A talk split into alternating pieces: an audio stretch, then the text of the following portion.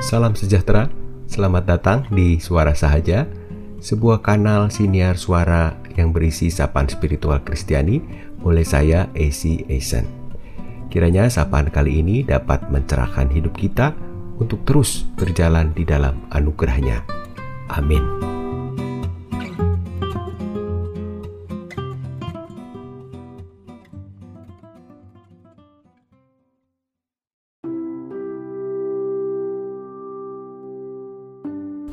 Zakaria, ayah dari Yohanes Pembaptis, adalah seorang imam. Namun pada sebuah kesempatan karena dikuasai Roh Kudus, Zakaria dimampukan untuk menyatakan pesan-pesan yang tidak biasanya terucap dari mulut seorang imam. Bukan tata cara ibadah, bukan pengulangan ayat-ayat kitab suci tanpa pemaknaan, tetapi sebuah kesadaran spiritual baru terkait apa yang akan dikerjakan oleh Yohanes, anaknya kelak, dalam rencana besar Allah demi pembaruan spiritual umat Israel.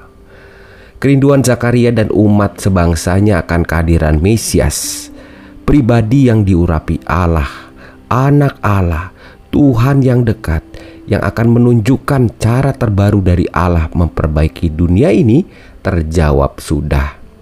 Allah ternyata setia dengan kasih dan janjinya Umatnya yang waktu itu seperti sedang berada dalam kegelapan akan mendapatkan terang untuk melihat dan meniti jalan damai sejahtera pemberian Allah melalui karya Mesias.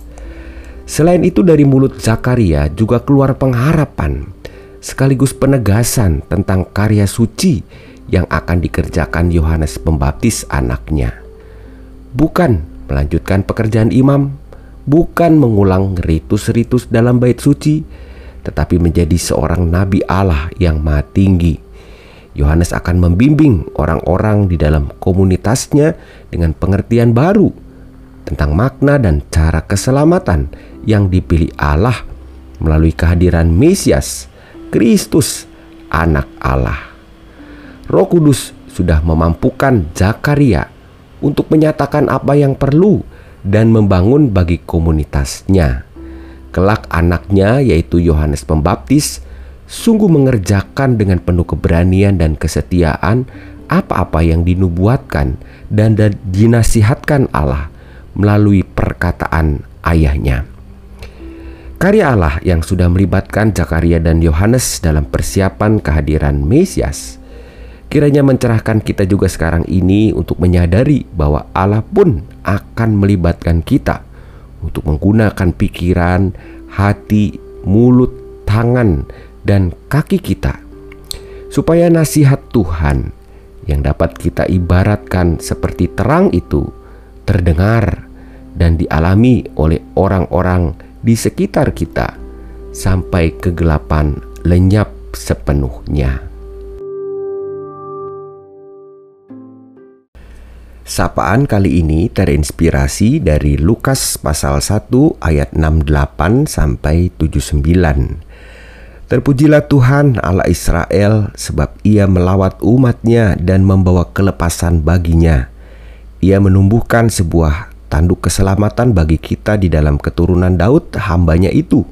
Seperti yang telah difirmankannya sejak purbakala oleh mulut nabi-nabinya yang kudus untuk melepaskan kita dari musuh-musuh kita dan dari tangan semua orang yang membenci kita, untuk menunjukkan rahmatnya kepada nenek moyang kita dan mengingat akan perjanjiannya yang kudus, yaitu sumpah yang diucapkannya kepada Abraham, bapa leluhur kita, bahwa ia mengaruniai kita supaya kita terlepas dari tangan musuh, dapat beribadah kepadanya tanpa takut dalam kekudusan dan kebenaran di hadapannya seumur hidup kita.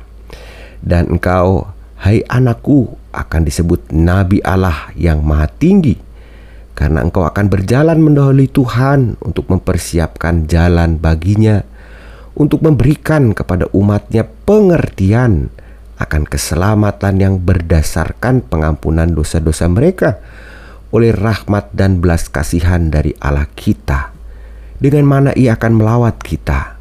Surya pagi dari tempat yang tinggi untuk menyinari mereka yang diam dalam kegelapan dan dalam naungan maut, untuk mengarahkan kaki kita kepada jalan damai sejahtera.